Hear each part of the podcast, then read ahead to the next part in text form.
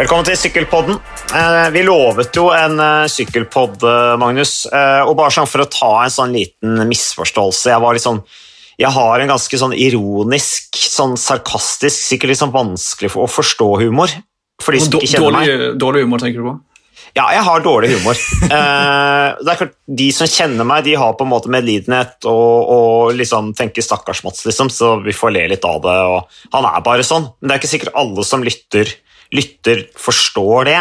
Eh, Så det var jo en, en av disse få lytterne vi har som da sendte inn en melding og liksom sa han håpa ikke at, at, at jeg følte noe press på å lage sykkelpodder.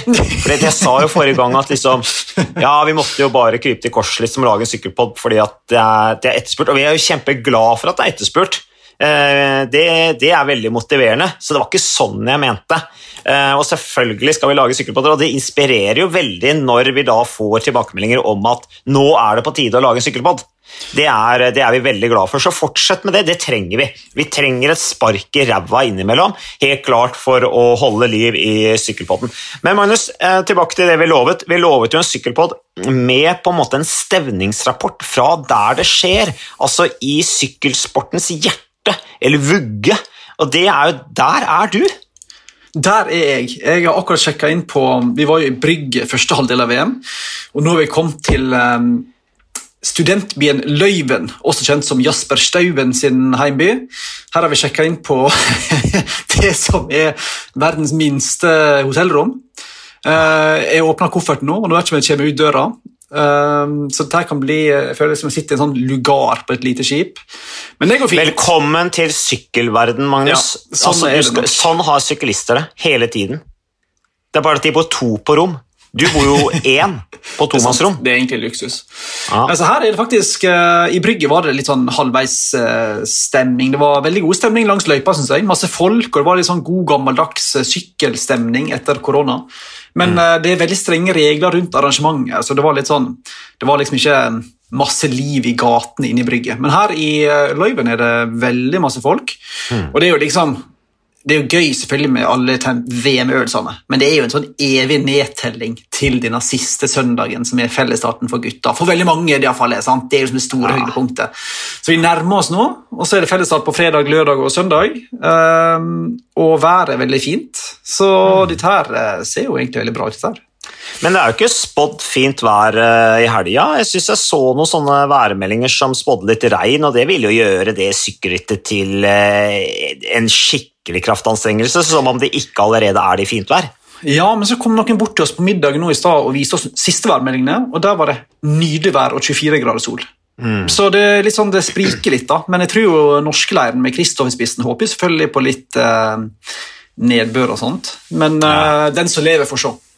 Ja, ikke sant. Men, eh, men eh, på søndagens eh, ritt for, altså temporitt for elite, jeg syns jo det var helt fantastisk å se på. Bare stevninga i seg selv gjorde jo det severdig.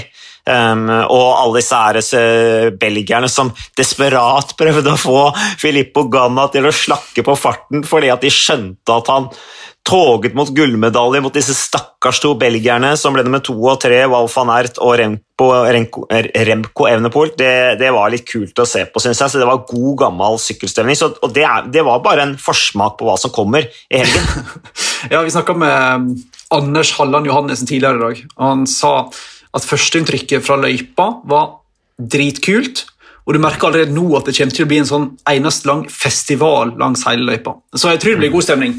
Så følte jeg jo litt med han um, Jeg følte med og følte med, men van Art altså ble nummer to på tempoen i VM i fjor. To på fellesstarten i VM i fjor. To i Flandern rundt i fjor. To i OL-fellesstarten i år. Og nummer to på tempo-VM i år. Så jeg, han sa vel It's not funny to be second anymore. Så um, jeg tipper han har sånn um, passelig med motivasjon før uh, søndagens uh, fellesstart. Som Så han var litt lei, altså. Han blir nummer en to. Eneren, eneren som blir plutselig mye nummer to. ja, så har han vel tre andreplasser fra sykkelcross-VM. Han Han har Mm, vunnet mm, riktignok et par ganger, der, da, men um, Ja da. Ja.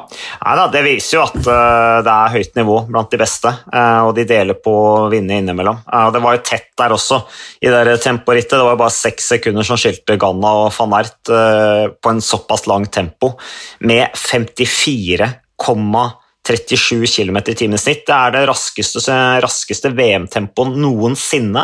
Det er klart det har noe med løypa å gjøre, men det var mye slitne ryttere i mål der. Ja, er du gal. Er du gal. Jeg føler litt sånn um, Jeg føler egentlig VM-historien har vært veldig sånn etter planen. Mm. Sånn, eh, Ganna vant, eh, Norge langt bak på elitetempo, det var som forventa. Litt vel langt, eller? Var vi litt skuffa Ja. over Andreas Leknesund? 26.-plass, ble han ikke 13 i fjor, da?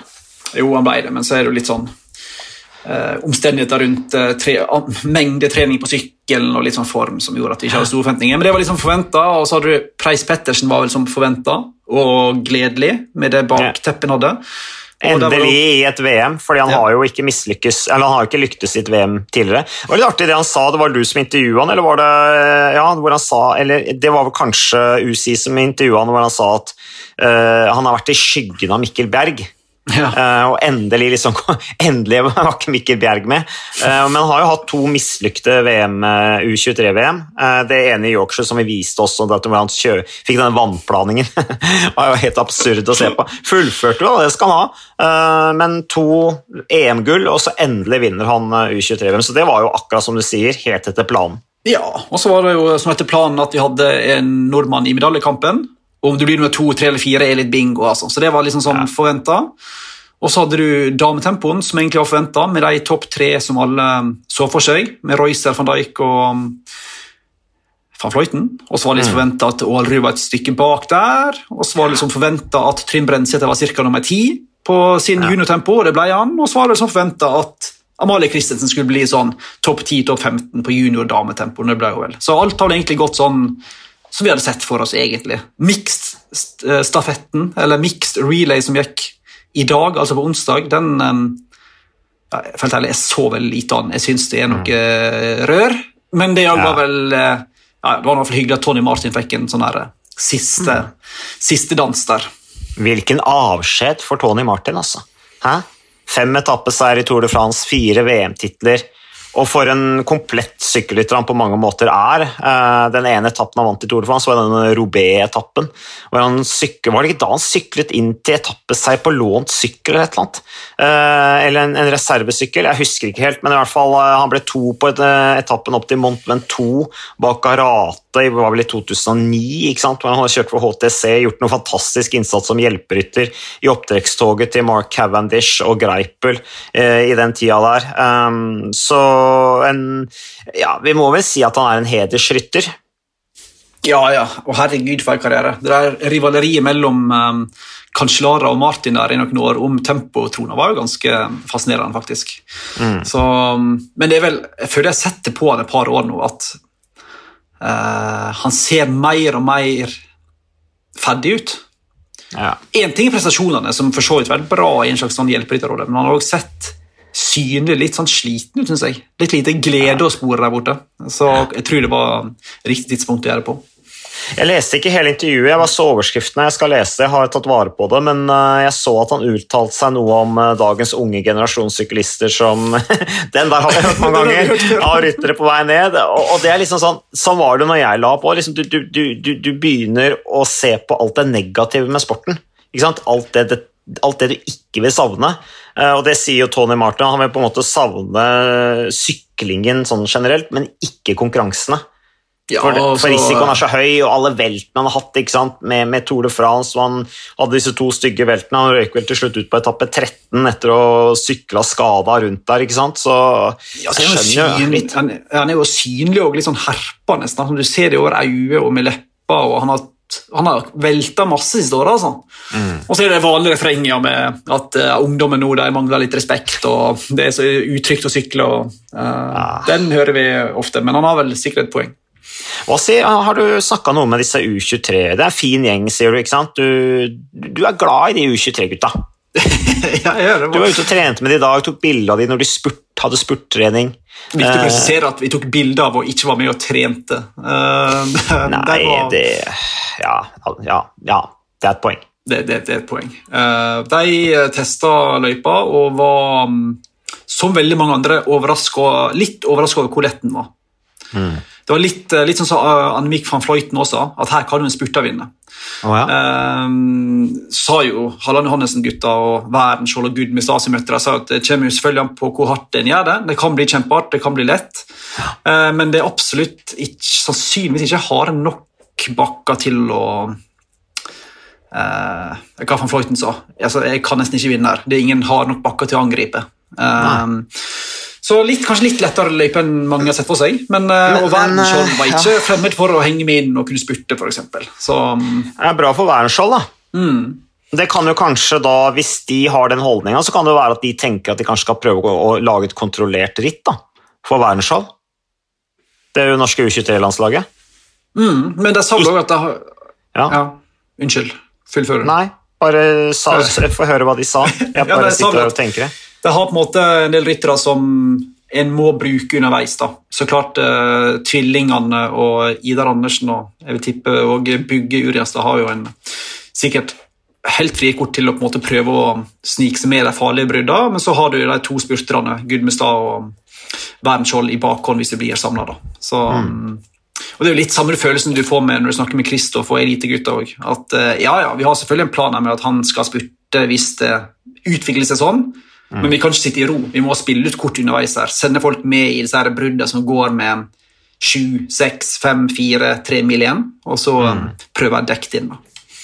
Men eh, jeg hørte et intervju med Kasper Askere nå. Han sa jo at eh, han eh, sammenlignet med Flandern rundt, så mente han at dette var lettere enn Flandern rundt.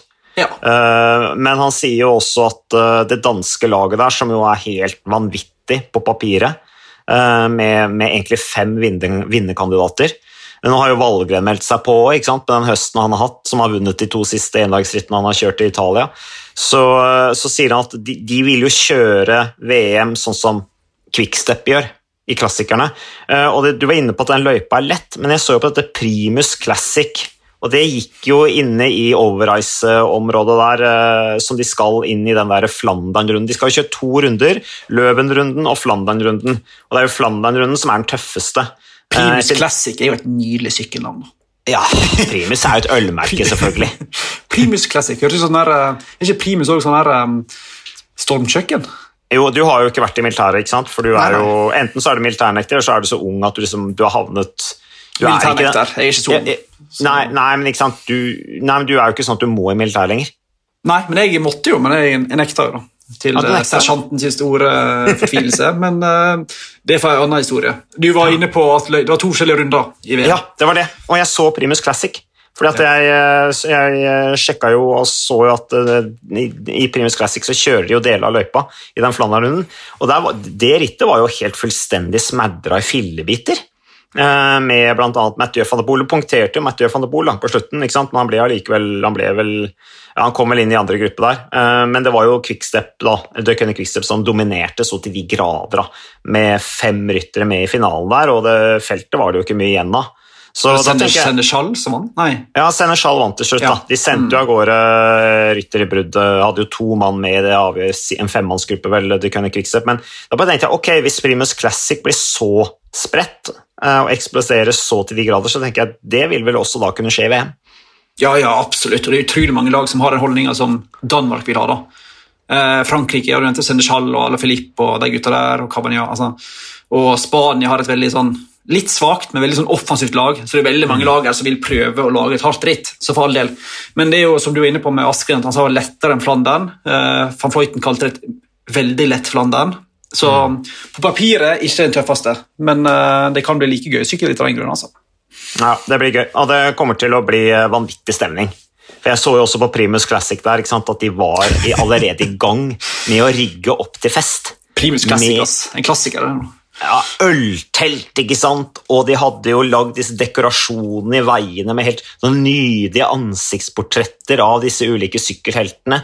Eh, Så nei, så det blir kjempebra. Det blir utrolig moro eh, i helga med, med fellesstarten. Altså, særlig da søndagen elite, for damer blir jo også gøy å følge med på. Men uh, hva tror vi? Uh, altså, jeg, jeg var jo veldig optimist da, i forkant ikke sant? når jeg sa jeg tror Norge kan ta fire medaljer. Jeg ser til bomme ganske bra på den, og du, du arresterte meg jo uh, ganske kraftig på det. Jeg protesterte høylytt til tider. Men ja, Søren Wernskjold var ikke langt unna å ta en bronse. Og så Søren Wernsland viser jo at han er i form. Han kjørte sannsynligvis en bedre tempo nå i U23-VM enn det han gjorde i EM, hvor han, hvor han fikk medalje. Så, så, sånn sett så bør jo han være fornøyd, og jeg tenker jo at han er jo et Han må jo være en av de store favorittene til å vinne VM i U23. Absolutt. Han er jo eksplosiv også nok til at han kan klare seg i korte bakker hvis ikke for hardt over for lang tid. Så jeg tror eh, fredagen med junior og U23, der tror jeg vi får eh, en medalje. Eh, mm. Juniorgutta kjører vel, om jeg har forstått det rett, sånn i hovedsak for eh, Hagenes og uh, Fredheim. Ja. De, de, to en på en måte satser på skal ta en, en medalje. Og så er det jo selvfølgelig U23-gutter med veldig mange muligheter.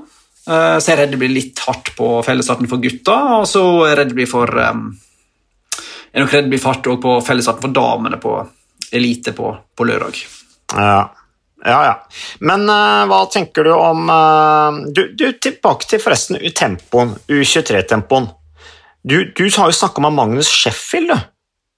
Ja, jeg må snakke med mine navnebrødre uh, fra noen andre mødre Nei, det var dårlig. Uh, ja, men Fikk ja, dere connection når du sa at du, Magnus, jeg heter Magnus, jeg også? Og så var det bare sånn Hei, you're my man. Var det sånn, eller? Du, jeg tenkte på det forkant at Han må jeg snakke med, for han er jo halvt norsk. Og Så kom han inn i, i denne intervjusona, og står vi 20 meter fra start, fra, fra inngangen der.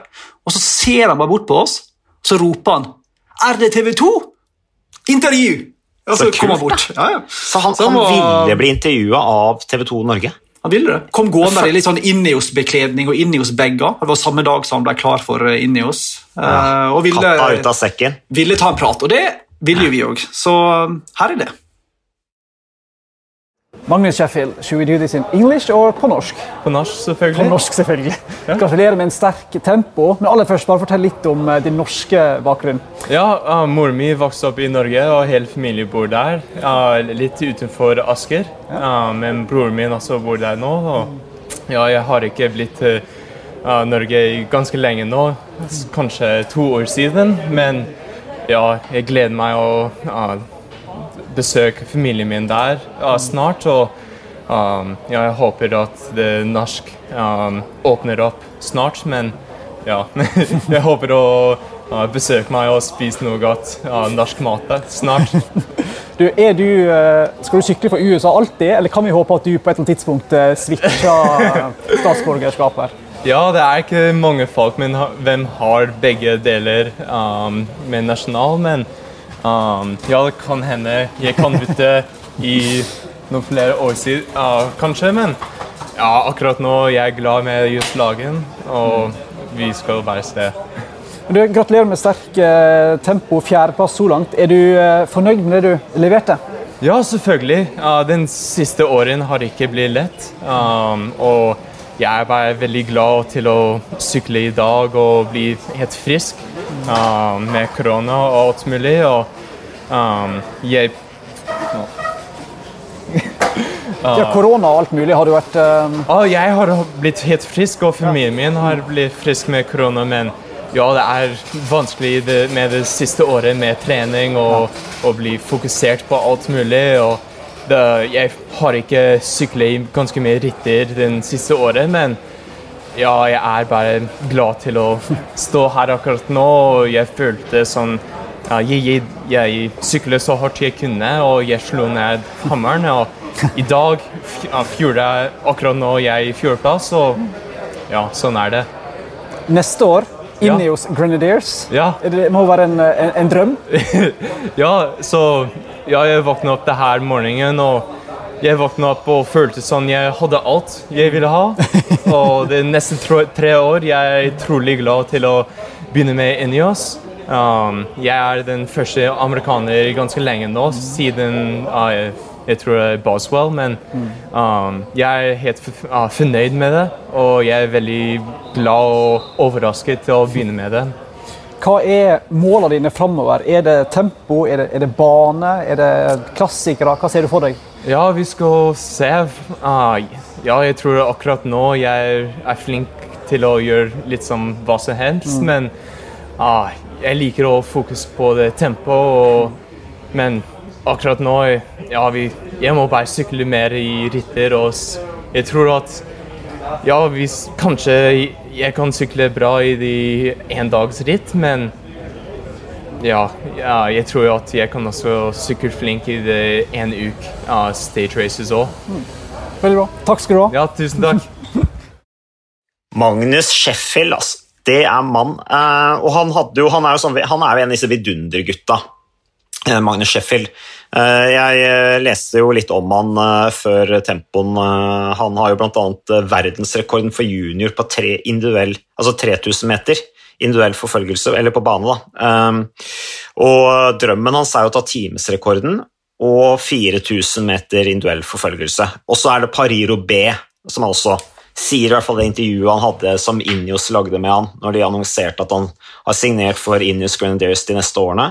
Uh, han, eller han bryter da kontrakten sin, eller har brutt kontrakten sin med Rally Cycling. Uh, jeg tipper at det bruddet der er sånn passe populært uh, i, internt i laget. Jeg veit ikke, Har du snakka med noen om det? Nei, det var litt, vi snakka litt mellom oss, vi ulike journalister som var der. Men det var vel egentlig ingen som visste hva det gikk i.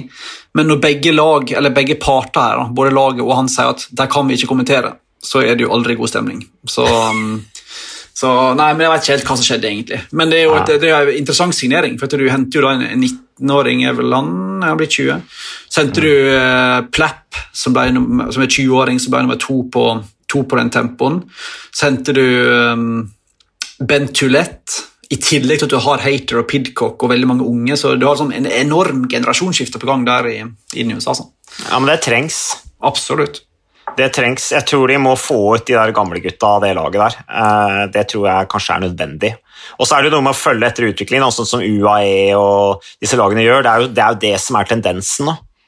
Og det, det jeg hørte faktisk var det her er ikke førstehåndskilder på, bare sånn annenhåndskilder. Men det skal visstnok være noe i um, uh, at Bernal ikke nødvendigvis er så um, happy i uh, Ineos. Mm.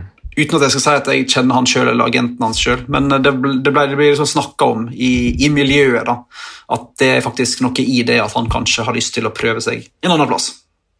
Hvilke lag er det som har plass til Bernal? da? Det var nevnt uh, Movistar, og så nevnt Wait for it. UAE? Kofidis. Kofidis?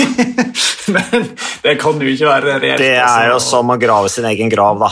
Ja, Hvis han har planer om å vinne Tour de France igjen, så gjør han ikke det i. Også. Nei, Beklager å si det. Det må ha vært noe um, så Italienske medier er litt, litt hyppige på å, å dele sånne um, rykter altså jeg satser på at Kofferis var en av de som bare uh, ja, kom med i riktig formen uten at det var særlig substans. Ja, men altså, Kofidis har gjort noen sånne utrolige signeringer før. da. De signerte jo Maurizio Fondriest og, og han uh, Julik og Lance Armstrong har de signert. og De har jo gjort noen sånne friske signeringer, sånn historisk sett i hvert fall. Så det hadde jo ikke vært, altså Kofidis blar jo opp de hvis du, de får en sånn mulighet så jeg tviler jeg ikke på at de finner fram noe penger i budsjettet et eller annet sted til å signere en, en stjerne som Egan Bernal, men jeg tror det vil være sånn passe gjennomtenkt i forhold til hvordan de har tenkt å følge opp den signeringa. Det er jo det som er utfordringen. Ja. Så, men, eh, men, eh, det er jo litt interessant, da, hvis han eh, For jeg har også hørt det der ryktet der. Så det, det, er jo ikke Det lover jo ikke så veldig godt for Injos og, og Egan Bernal. Det gjør det ikke. Så de har litt utfordringer i Team Injos. De har det, altså. Det har de. Men uh, Magnus, uh, jeg syns juniorrittet var, uh, var, litt artig med han Gustav Wang, som jo også er sykkelcrossrytter. Han har femteplass i et verdenscupritt for junior i Tsjekkia i, i sykkelcross. og han vant jo det danske mesterskapet i tempo allerede som 16-åring i, i juniorklassen. Så han klinte jo til og sjokkerte jo alle og hadde jo full kontroll på den seieren hele veien. Men du har jo også snakka med Trym Brensæter. Som ja. gjorde en ganske god jobb, syns jeg. Så vi kan jo høre hva han sier. Gratulerer, Trym Brensæter, med sterk tempo. Er du uh, fornøyd? Uh, jeg kom hit og satsa på å bli topp ti, og nå ser det ut som jeg får en tiendeplass. Så da kan jeg være fornøyd når det er så, når det er så flatt og går så fort. Så jeg sier meg for det. Fortell oss om løpet ditt. Uh, Jeg starta meget hardt, gikk hardt ut fra start og tenkte at eh, her blir det ikke noe å spare. Eh, Og så gikk det meget bra til eh, mellomtiden, og så begynte jeg å kjenne litt eh, like etterpå. Så der var det egentlig bare å jobbe mentalt og så kjøre, kjøre alt det jeg kunne, og så prøve å hente meg inn igjen. Og det følte på slutten at jeg greide å finne frem det lille ekstra trøkket, og da kjørte jeg så jeg gjorde, og jeg er fornø- foreløpig fornøyd i hvert fall. Du har hatt en um, fantastisk sesong. Utrolig mange sterke resultat ute i Europa. Hva betyr en, um, sannsynligvis en tiendeplass i VM? Det betyr veldig mye. Eh, Jeg føler at jeg får bevist, bevist at jeg er, er sterk og kan kjøre fort. Og akkurat nå som eh, neste sesong venter og eh, forhåpentligvis kanskje mulig å kjøre seg inn på noe lag etter hvert, så da betyr den tiendeplassen veldig mye for å vise hva slags ryttertype jeg har. Ja, og jeg skulle til å spørre om. Får vi se deg på et uh, høyere nivå neste år, eller blir du værende i Glåmdal, eller hva, hva tror du? Eh, akkurat nå så veit jeg ikke så veldig mye. Eh, det, akkurat nå så kan det hende at det blir, eh, blir, må bli noe klubblag. Det blir men så ikke noe Glåmdal, siden vi ikke har noe særlig tilbud der. Eh, men jeg venter å se. Sesongen er fortsatt ikke ferdig. Det er VM-fellesstart neste uke. og mest sannsynligvis etter litt til i Tyskland, så får se hva mulighetene der byr på. Og så prestasjoner, og så får vi se hva det ender opp med til slutt. Og så kommer det jo enda mulighet til å styrke kortene sine i fellesstarten. Hva håper du og dere å få til der? Eh, Det blir vel å kjøre for eh, Per eller Stian. Eh, De har begge vært veldig sterke, og det, løypa passer dem utrolig godt. Jeg blir får nok jobb av å hjelpe de så mye som mulig, og det gleder jeg meg veldig til. Løypa er jo ikke akkurat skreddersydd for lette meg, så jeg gleder meg veldig til å kjøre og hjelpe de som har store vinnermuligheter der. Godt jobba. Takk skal du ha. Jo, Vær så god. Ja, det var uh, Trym Bren Unnskyld, Brennsæter som, uh, som snakka bl.a. litt om framtida, Magnus. Um, så uh, ja. Han uh, er jo såpass god at uh, han er jo kanskje avhengig av å, om han ikke kommer inn på UnoX-satsinga, i hvert fall Coop, eller et sted i utlandet. Jeg vet ikke. Ja, det kunne jo vært et Nå bare tenker jeg høyt. Men du ser jo Hagenes sant, går jo til eh, Jumbo eh, Visma sitt eh, akademilag. Sant? Det er jo stadig flere sånne her, eh, akademilag ute og går. Og Hvis du ser på resultatet til brennseter i 2021 De står ikke tilbake for så veldig mange de, altså, der ute. Nei. Så jeg vil jo si at eh, en del av disse storlagene bommer jo litt om de ikke klarer å plukke opp eh, gutten fra Maura. Ja, jeg er helt enig. altså Tiendeplassen hans i VM, én ting. Men altså når du vinner Grand Prix Rubeland, eh, du blir 13 i dette lille fredsrittet, du, har bare, du bare banker inn solide resultater egentlig gjennom hele sesongen, så, så, så, så, så syns jeg også at eh, han burde være på radaren til i hvert fall alle de store lagene som har utviklingslag. Absolutt. absolutt. Så vi får bare ønske Trym Brennsæter eh, lykke til med jakten på, på en eller annen satsing som kan eh, bidra og følge opp videre den, eh, den lovende karriere han opplagt har. Magnus, vi var litt inne på dette med Bernal og colombianere som ikke trives, men den som virkelig ikke har trivdes, det er jo Lopez. Miguel Angel Lopez, også kalt Supermann Lopez. Han plutselig trivdes så dårlig han, i Spania rundt at han bare brøyt rittet på nest siste etappe. Og det gjorde da at eh, de har blitt enige om å bryte kontrakten. Han kom jo ikke på middagen, ikke sant? det laget på, på kvelden etter målgang i, i Santiago de Compostela. Det var skikkelig dårlig stemning.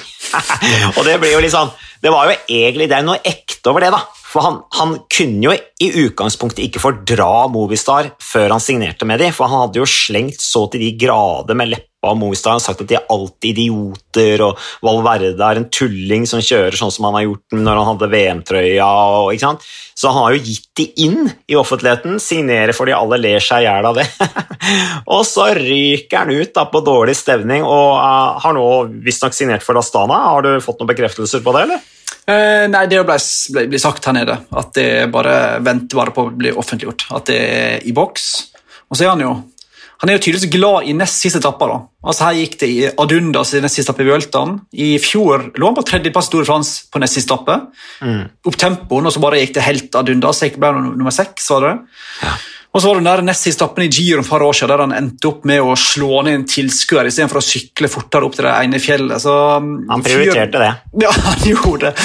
Han kjente sin besøkelsestid der. Så eh, nei, det er masse rart der. da. Og så er det litt sånn, Skal ikke kødde for masse heller med det, for han har jo åpenbart eh, han har vært ærlig på at han av og til sliter litt med med, med psyken, uten å være så veldig spesifikk på hva det egentlig er. da. Eh, men likevel, eh, det å bare stå av Uelta på neste etappe når laget jobber for deg hele veien, bare fordi du detter fra tredje til var det femte-sjetteplass, kanskje? Sjette, vel? Ja, ja, sant? Så det, det hører jo ingen plass hjemme. da. Så, med mindre det er noe veldig alvorlig bak der, så um, kan jeg jo forstå at Movistar tenker at dette her er det kanskje ikke verdt å bruke tid og penger på. Nei. Men det er jo litt spennende, da, det du spekulerer med der, som Lacassette og Sport spekulerer i, at, kanskje Bernal er på vei til Movistar. Og vi elsker å løse rykter i, i sykkelpodden, og kverne rundt Ja, på der, der er du god. der er du god. Så det, det, ja, men det er noe med forventningene. Liksom, tenk om det skjer. Eh, Så, så det er jo litt Det kunne jo vært en løsning, da. Men da blir det jo i så fall kombinasjonen Enrik Mass Egan Bernal. Spennende, det. spennende det. Litt sånn samme type, litt ydmyke, kanskje. Han er nok litt for, eh, litt for eh, spiss i kantene, han der Miguel Angel Lopez, til å passe inn i Movistar. Det er han. Men fra, eh, fra Lopez til en nordmann igjen, apropos sånn transfer-spekulasjoner, så um, eh, Jeg er litt spent også. En ting er Brensæter, jeg er litt spent på Vegard Stokke. Mm. jeg forstår at han sannsynligvis ikke fortsetter i DSM.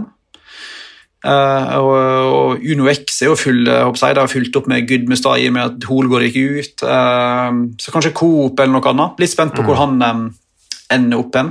Og så vi jo at Edvard Boasen Hagen hadde takka nei til Uno X og eh, blir værende i total energi som forventa. Ja, jeg snakket med hele Norges Sindre Olsen tidligere i dag om det. Han laget jo en sak på Edvald som dere kan lese om på TV 2 sine nettsider. Jeg skulle til å si sporten.no, men tv2sporten.no. Eh, Men, eh, men der er det altså laget en større sak om at Edvald har forlenget avtalen sin med, med Total eh, Direct, eller Direct Energies, som det heter nå. Eh, Hva tenk, altså Jeg var jo litt sånn blanda i følelsene på det. Altså det, det der må jo altså hele, der, der har det vært en kollektiv svikt i Direct Energies i 2021. Altså, de har ikke fått til. Turkis har vært ganske god, men ellers så har det jo vært relativt eh, dårlig hva de har levert. eh, og Sånn sett så har jo på en måte bare Edvald vært en del av mengden der. Eh, han har ikke skilt seg ut som noe dårligere enn de andre, syns jeg, men der må, de jo, må de jo ta tak og gjøre et løft. Og Spørsmålet er om da Peter Sagan og entourage hans kan være med å bidra og skape det sportslige løftet. Det, det, og det er ikke jeg helt sikker på. For jeg lurer liksom på i hvilket kapittel i boka Peter Sagan er i nå. altså er Han, han er jo åpenbart liksom på vei Han, han er jo i, han er jo ikke på topp lenger. Han er nok liksom på siste kapittel i karrieren, tenker jeg, da.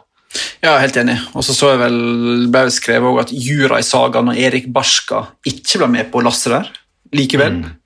Så nei, litt spent på den der greia der. Jeg ser jo for meg at det er ingenting som er mer naturlig i mine øyne, eh, mine øyne enn at sagaen plutselig begynner med litt sånn der gravel racing, litt sånn grusritt, og kanskje begynner å prøve seg enda mer på terrenget. Eh, så jeg, jeg er litt spent på om um, total energi eller direkte energi eller hva det heter, eller begge deler, eller Ja. omvendt eller et eller annet energi. Samme Um, det.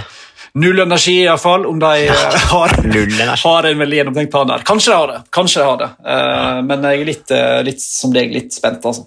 Ja, Vi er ikke helt sikre på det, men vi, vi syns det er veldig hyggelig at Edvald får ny kontrakt. Og så, og så tenker jeg også det at han velger da uh, null energi uh, kom foran UnoX energi. Uh, det er jo energi begge deler, egentlig litt samme bransje. Så, eh, så kan jo det være et tegn på at han, liksom, han ønsker å være, være sikker på at han får kjørt på øverste nivå. Worldtouren, eh, Tour de France, altså de tingene der. At det der mulighetene er kanskje større. De er jo åpenbart større enn de er i UnoX. Selv om jeg tenker liksom, Det kunne vært fint for Edvald kanskje avslutta karrieren der. Jeg tror det kunne vært bra som markedsføringsmessig for UnoX også, og fått han inn. fordi de fleste nordmenn vet hvem Edvald Baasan Hagen er, så han har jo opplagt en stor verdi uansett om han, eh, hvilket nivå han sykler på. Så ville jo det vært god reklame for UnoX, tenker jeg. Men, eh, men positivt tenker jeg for hans del at han velger eh, det franske eh, storlaget med tanke på at da, da får han ritt på, et, på øverste nivå. At han opplagt har ambisjoner om det. Ja da, absolutt.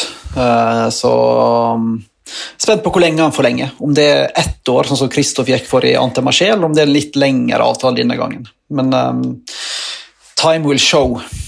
Ja, jeg var liksom ikke sikker på om Edvald ville fortsette karriere. Altså, jeg var litt usikker på det, men uh, så sånn sett så er det jo positivt at han, han har fått ny kontrakt og fortsetter. Uh, de får vel inn Specialized, med, er, ikke, er ikke Specialized en del av pakka til Peter Sagan, Specialized sykkelmerket, at de på en måte følger Peter Sagan. At dermed hele laget går over på, på Specialized. De satser sikkert ekstra hardt da på det franske markedet også.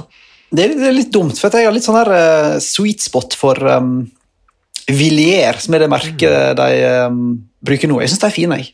Villier, Triestina, alt er kule. Ja, ja syns jeg er litt sånn um, altså, Astana skryter jo veldig av det. De mener ja. jo at de har hatt et løft på tempo, annet fordi at de Villier-syklene har så gode temposykler. Det hadde vel Argon de hadde ikke det før? Jo, jo. og gått mm. over til Villier og sagt at etter at de gikk over til Villier, så har de fått et løft på tempo. Det kan altså, jo være noe i det. Eh, deilig italiensk uh, eleganse på sykkel. Så, men, men. Ja, du syns Villier er eleganse, altså? Ja, jeg, jeg tenker ikke på det som en sånn klassisk italiensk sykkelmerke. Du er sikkert en av de som sverger til de Derosa-greiene, som Nei. så mange av din generasjon gjør. Nei? Ikke noe sånn spesielt. Bataglin vil jeg helst ha. En av de beste syklene jeg sykla på, er Bataglin-sykkel. Fantastisk snert i den ramma. altså. Ellers har du Colnago, altså, men Colnago er liksom når blitt kjøpt opp av sånn arabisk selskap. og... Jeg ikke det. Ja, ikke sant? Alt blir jo kjøpt opp av de. Alt, alt sånn derre eh, sportsernæring og alt sånt også, blir jo kjøpt opp til disse her araberne nå, og så bruker de sykkelsporten til å reklamere for det. da. Nå skal jo UAE Emirates apropos, starte et damelag ifølge Gazzetta dello Sport. Oh, ja? Ja, så der er, er, vel, spennende. der er vel Urska Sigart allerede hanka inn, vil jeg tippe. Altså da fruen til Tadej Pogacar. Forloveden, faktisk. Ja, stemmer det. Mm. Forlova seg forrige uke, de. Sykler Bike Exchange til daglig. Blitt ganske god, vunnet sykkelløp i år òg. Men det er jo bra at de satt damelag, da. Men så er det jo en sånn eh, gammel ørn i, innerst i syvende far i huset der som bare nekter å starte damelag, da. Ja, Patrick Lefebvre. Han, er, han fortsetter å være politisk ukorrekt. Og, og, gjør, det også, og gjør det også prime time eh, TV-tid i fylla! Han var synlig Ja, det var gikk ned et glass vin der, og så fikk han et spørsmål. Når skal du starte damelag? Og så jeg driver ikke Hva blir det norske versjonen? Nav? Omsorgstjenester, eller jeg driver ja. ikke innen den offentlige omsorgstjenesten, sa han. Ja, ja. Det, er jo, altså det er jo litt funny formulert, da, men det er jo ganske ja, det, det, Han er jo sitatmaskin, da. Det er så, det er så sjanseløst. Men uh, jeg lurer på hvor lenge The König Quickstep kan godta at sjefen liksom hele tida kommer ut i offentligheten og, mm. og viser en side som ganske få egentlig har sansen for, tror jeg.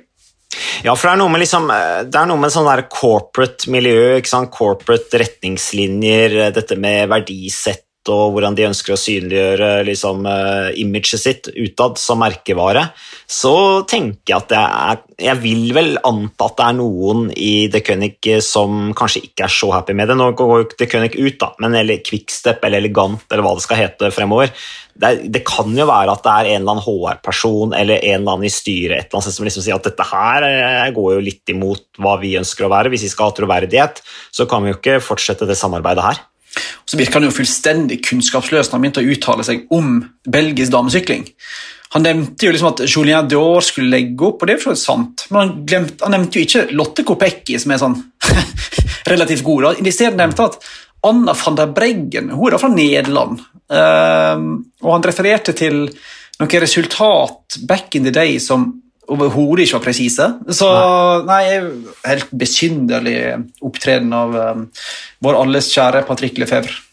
Men har det skapt mye debatt der nede hvor du er nå? Overhodet ikke. Ikke? Nei. nei.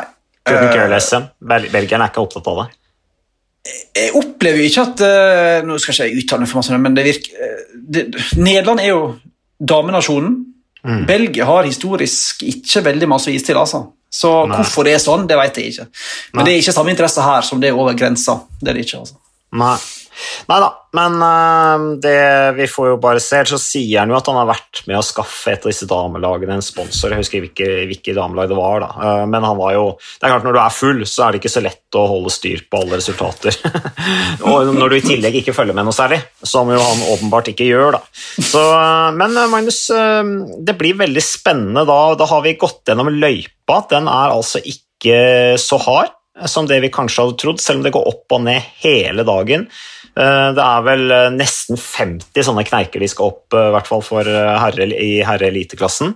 Og så er det juniorklassen skal jo bare kjøre denne Løven-runden. Da slipper de ut på bondelandet utafor Løven, hvor det kanskje er litt mer krevende.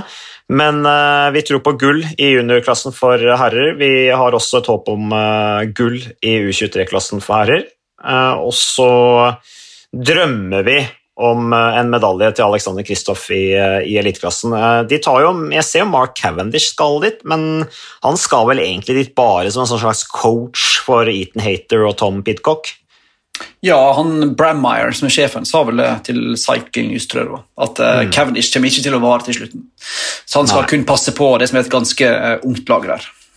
Men har han forlenga med De König Quickstep nå, eller den er ikke satt, den signaturen? For jeg så jo uh, Lefebvre er jo relativt åpen da, om dette her at uh, det er Cavendish som trenger De König Quickstep, ikke omvendt. Ja, nei, men jeg har ikke hørt at det er formalisert, nei. Og om Lefebvre mener at å være åpen om sånne ting er et bevisst uh, forhandlings grep, eller om han bare couldn't care less. Jeg, jeg veit ikke helt, jeg. Men han er ei um, åpen bok på alle måter. På godt og vondt. Ja, ja, ja. Nei, Vi får jo glede oss over det. Men Magnus, tusen takk for uh, tilstandsrapporten din fra, fra, Løven, fra Flandern, fra der det skjer. Og så ønsker jeg deg masse lykke til uh, videre i livet. I livet nede. Ja. Nei, altså, jeg tenkte på da de neste, neste dagene der nede. Ja, okay, og så må du bare fortsette å lage glimrende rapporter, og så prates vi jo, for jeg sitter jo i Oslo og kommenterer med Christian, og så ender det at vi treffes på, på sending, og det er alltid gøy å høre hva du har av godbiter sammen med fotografen Brattegård uh, ute fra, fra feltet. Takk for at du lyttet på Sykkelpodden.